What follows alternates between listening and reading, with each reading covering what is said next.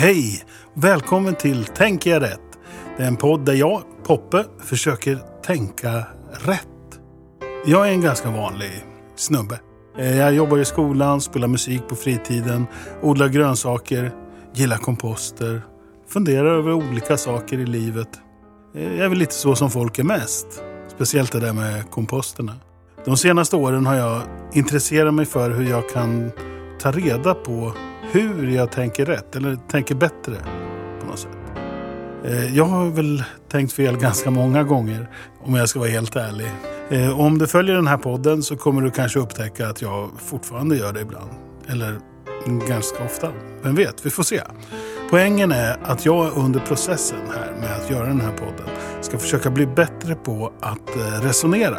Och jag behöver ju er hjälp då till det. Men vi kommer till det lite längre fram. Här är några saker till exempel som jag funderar över. Ta den här lilla gulliga saken. Finns det en mening med livet? Finns det en gud? Bör man ha ananas på pizzan? Det bör man. Case closed. Hur vet vi det vi tänker att vi vet? Har vi blivit mer korkade av internet? Borde koranbränningar förbjudas?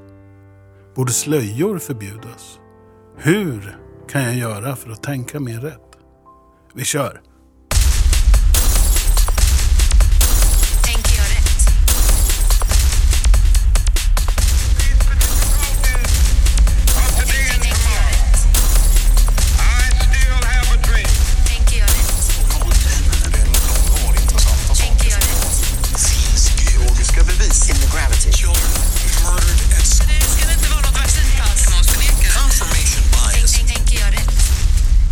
Vad är då rätt? Vad är det att tänka rätt? Vem bestämmer det? Jag vet, vissa saker kanske mer handlar om åsikter. Där det hela är subjektivt. Som i vilken färg är finast, vilken mat som är godast eller vilken bil som är snyggast. Men vissa saker är objektivt sanna. Det betyder alltså att de är sanna för alla hela tiden. De sanningarna skiter helt i din åsikt. Och de är inte föremål för tyckande på samma sätt. Där uttryck som det är sant för mig eller jag vill tro det inte gör det hela mer eller mindre sant. Vad menar jag med ordet sant då? Jag definierar sanningen som det som stämmer överens med verkligheten och fakta. Data. Innan jag har tillräckligt med fakta eller att det har demonstrerats att ett fenomen är verkligt så borde jag inte tro på det. Varför det? Ja. Annars måste jag tro på så himla mycket saker. Det finns så mycket som är overifierat. Jag har inte tid att tro på allt skit. Men hur vet du vad som är verkligheten? Kanske du tänker nu. Jag tänker att jag är tvungen att börja med antagandet. Ett antagande. Att det jag upplever och som andra verkar uppleva är verkligheten. Vi kan sen börja undersöka verkligheten. Hur den är beskaffad, hur, hur den beter sig. Den verkar ju vara rätt så förutsägbar. Om jag släpper en penna hundra gånger och den faller till bordet. Eh, då blir det rimligt att anta att den kommer falla även den hundraförsta gången och den hundraandra gången. Om den plötsligt skulle bara sväva iväg, ja, då hade det fortfarande varit rimligt att anta att den skulle fortsätta falla neråt. Även om den plötsligt slutade göra det. Då hade vi behövt undersöka och då hade vi fått göra nya antaganden baserat på ny data. Kan du hålla med om det? Något gör så att pennan rör sig åt det håll vi valt att kalla nedåt. Människor långt smartare än jag och kanske till och med smartare än du kommer upp med förklaringar kring hur det kommer sig att pennan och allt annat rör sig som det gör. Vi kallar det för en vetenskaplig teori. Eh, en vetenskaplig teori är inte som en teori i dagligt tal. Som när Robert Gustafssons karaktär hade en teori om att lättöl blev starköl om man fryste ner den och sen tinna upp den. Jävligt fort alltså. Nu kanske det där inte är ett så väldigt vardagligt exempel. Men man har väl hört någon gång när någon säger ah, jag har en teori och sen så drar de fram någonting som inte kanske är så jätteunderbyggt. En vetenskaplig teori består av alla fakta och är liksom en, som en modell som på bästa sätt förklarar det vi vet nu. I det här fallet då gravitationen, gravitationsteorin. Men vi kanske lever i en simulation. Du kanske är en hjärna i en näringslösning. Oavsett vad verkligheten bakom verkligheten är så finns det ramar och begränsningar som styr det hela. Vad är skillnaden för personen som lever i en simulation och aldrig får veta det och en person som inte lever i en simulation och aldrig får veta hur det förhåller sig? Jag har inget annat val än att förhålla mig till det jag upplever som verkligheten. Om jag kastar mig framför ett skenande tåg så dör jag med största sannolikhet. Jag som inte vill dö, som vill fortsätta leva, väljer då rimligen att inte kasta mig framför tåget. Okej, varför en podd då? Jo, jag vill tro så många sanna saker som möjligt och så få osanna saker som möjligt.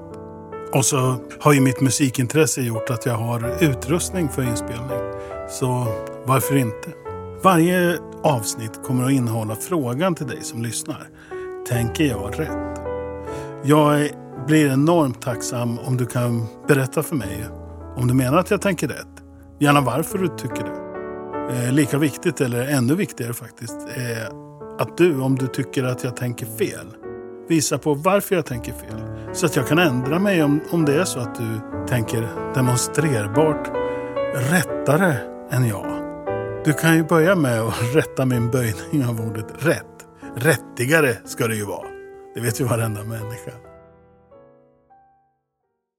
Vi börjar med något enkelt.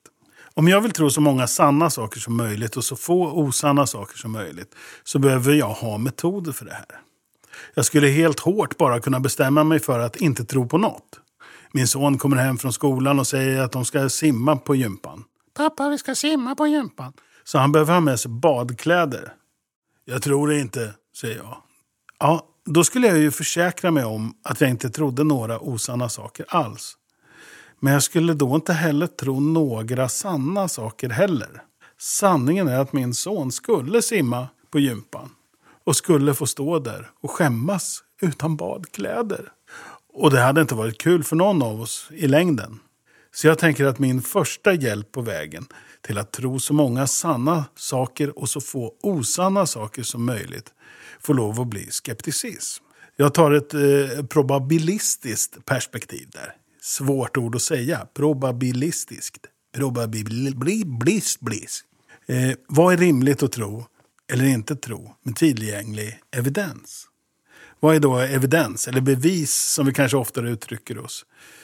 Det är väl allting som pekar på ett visst eh, fenomen. Nu kan ju det vara bra eller dåliga bevis. Eller också kan det ju vara sånt som ser ut som bevis fast det inte alls är bevis för sånt som det påstås bevisa. En bekant till mig, eller en, en nära vän, en god vän, lyfte någon statistik kring vaccinationer att eh, fler vaccinerade än ovaccinerade under någon period hösten 2022 var smittade och kanske dog eller något sånt. Jag minns inte exakt. För min poäng här så är det inte så viktigt om de var smittade, allvarligt sjuka eller dog. Informationen kom från något stapeldiagram som angav antal fall och huruvida de var vaccinerade eller ovaccinerade mot eh, covid-19. Jag förstår det som att detta skulle bevisa att vaccinet var dåligt, onödigt eller något sånt. Var det här ett bra bevis för vaccinets ineffektivitet? Min första tanke var ju, oj, det kanske är så i alla fall. Dels kom det från någon som jag bryr mig om och som jag litar på. Eh, men sen presenterades ju också någon statistik här som såg ja, övertygande ut. Om nu så många drabbas fast de är vaccinerade, hmm, tänkte jag. Min andra tanke var skeptisk. Vad säger den här statistiken egentligen? Om den stämmer? Det stod inget om att siffrorna var från ett jämförbart antal. Alltså att det var fler drabbade på tusen vaccinerade än på tusen ovaccinerade. Togs det hänsyn till att de vaccinerade var långt fler än de ovaccinerade i Sverige då? 86,4 procent av svenskar över 18 år har fått minst två doser vid det här tillfället. Togs det hänsyn till att den största delen av äldre och multisjuka är vaccinerade? Jämfördes tusen vaccinerade och tusen ovaccinerade multisjuka gamlingar för att säkerställa vaccinets ineffektivitet i den gruppen? Ganska snart kunde jag fastställa att diagrammet i sig inte var ett bra bevis.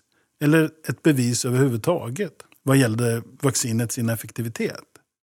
För att diagrammet skulle kunna visa på något sånt skulle det behövas mer information om bakgrunden till statistiken. I sin befintliga form menar jag att diagrammen inte visar varken eller.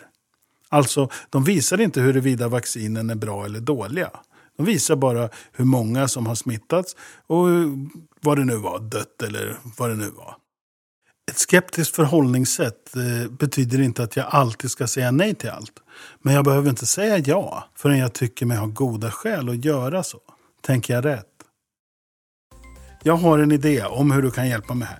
Jag lägger upp det här avsnittet på min alldeles nystartade YouTube-kanal. Samma namn typ, Tänker jag rätt eller Tanker jag ratt eller något sånt där. Och om du har en tanke kring det jag tänker så kan du väl titta in där och lämna en kommentar. Likea gärna och prenumerera också så hjälper du mig att hålla liv i den här podden. Vi fortsätter. Vi kommer nog under den här poddens livscykel återkomma till tankar kring skepticism. Men där i ligger grunden för mina försök. Att försöka att inte acceptera saker på för lösa grunder. För om jag skulle acceptera saker på för lösa grunder så skulle jag tänka att ja, om man fryser ner lättöl och tinnar upp den jävligt fort, då blir det starköl. Vi var inne på det förut när vi talade om vetenskapliga teorier. Och det leder oss till tanken på ett vetenskapligt förhållningssätt. Ibland har jag hört folk säga att vetenskapen har inte svaret på allt. Och det är ju helt och hållet sant. Men betyder det att vetenskapen inte har svaret på något alls? Nej, det är inte samma sak. Vilka andra metoder än de vetenskapliga kan du ange som goda vägar till att förstå världen som vi lever i? Har du några? Jag tänker sträcka mig så långt som till att säga att vi inte har någon annan tillförlitlig metod. Att ett vetenskapligt förhållningssätt är det bästa sättet vi har. Även om det inte givit oss svaren på allt. Ännu. Eller kanske aldrig. Tänker jag rätt? För att data, som i exemplet med diagrammet och de multisjuka gamlingarna, ska tjäna som underlag för rimliga antaganden så behöver vi metodiskt syna det och söka den bästa förklaringen. Statistiken i diagrammet var lösryckt utan en tydlig kontext. Vid närmare anblick, när sammanhanget visade sig vara otydligt, så var inte hypotesen att vaccinet är ineffektivt mot bakgrund av den givna statistiken lika rimlig. Inom vetenskapen börjar vi ofta med en hypotes. Jag säger vi och menar mänskligheten. Vetenskapen tillhör mänskligheten. Den tillhör dig och den tillhör mig. Åtminstone eh, mänsklig vetenskap. Hypotesen är en idé eller en tanke om en förklaring. Här brister det ofta sen då. Det är nu vi ska försöka motbevisa vår hypotes. Komma upp med andra möjliga förklaringar och se vad som passar, vad som passar bäst. Någon av oss börjar bli hungrig. Vad som passar bäst med datan alltså. Här ser vi ofta istället att vi människor börjar leta efter sånt som bekräftar vår tro och ignorerar sånt som inte bekräftar våra föreställningar. Det är då vi kanske börjar rationalisera bort det som försvagar vår ståndpunkt med olika rent spekulativa idéer om orsaker och konspirationer. Eller uttryck som vetenskapen har inte svaret på allt. Nej, ni vet. Den idén som bäst möter tillgänglig data och fakta är den som är mest rimlig att tro, tänker jag. Om datan är otillräcklig eller otydlig så väljer man lämpligen att inte tro. Man håller tillbaks tron tills det finns tydlig data eller tillräcklig data. Det finns alltså alltid minst tre lägen. Ta det här. Jag är övertygad om att det är X. Eller jag är övertygad om att det inte är X. Sen har vi den tredje. Jag är inte övertygad om att det är eller inte är X. Mer data behövs. Ett exempel med Gud kanske gör det tydligare. Vi kan ta tre ståndpunkter. 1. Jag är övertygad om att Gud finns. 2. Jag är övertygad om att Gud inte finns. Och den tredje, jag är inte övertygad om att Gud finns.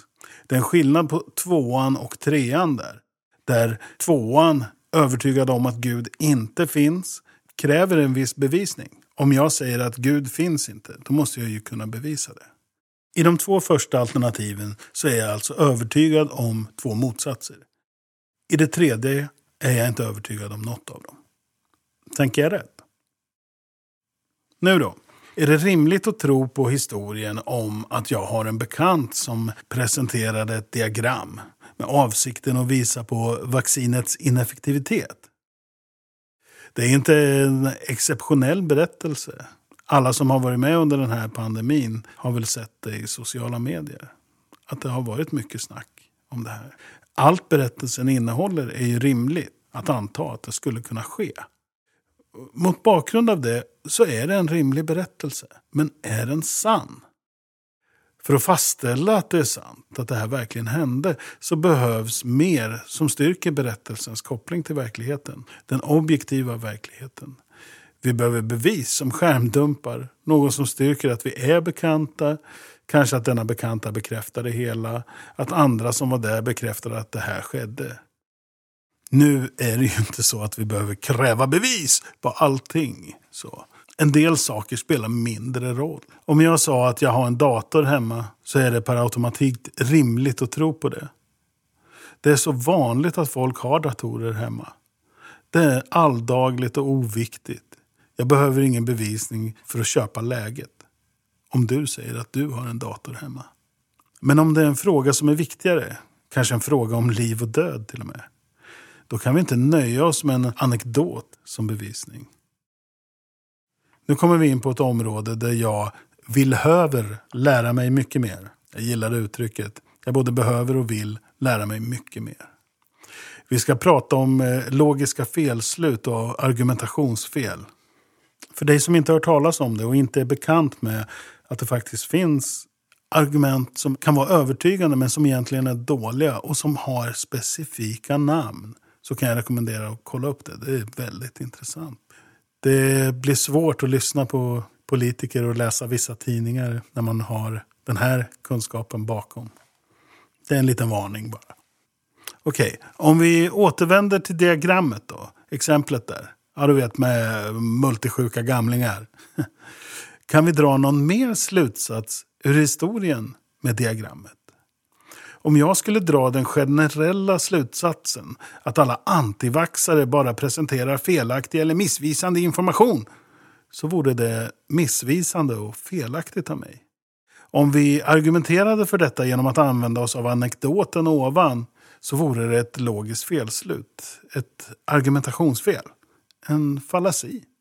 Att anta utan tillräcklig data att det som gällde en person i ett specifikt fall gäller för alla personer i alla fall är inte rimligt.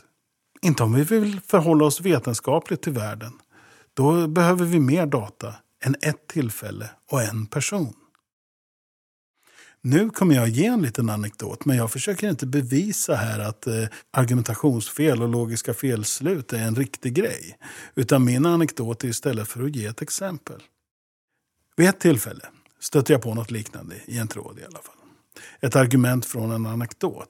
En människa blev arg då jag kommenterade i frågan om risk-nytta-bedömning vad gäller vaccin.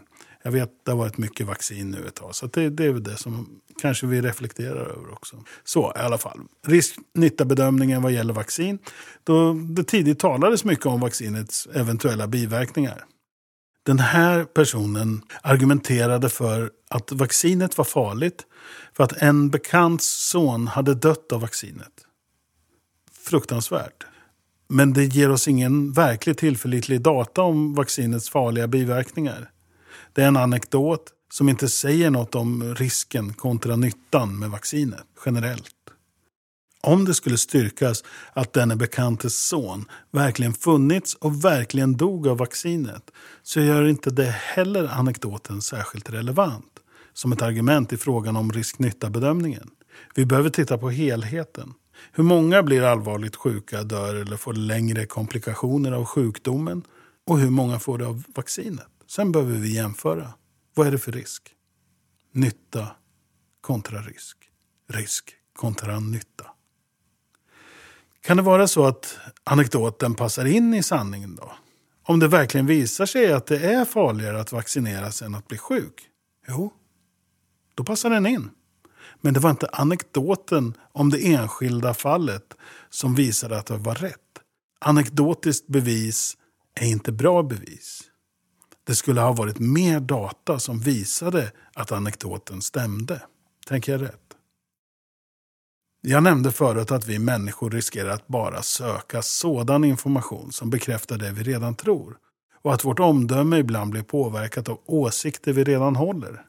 Kognitiv bias, eller bias. Bias kan vi tänka som partiskhet, som en partiskhet i vår kognition.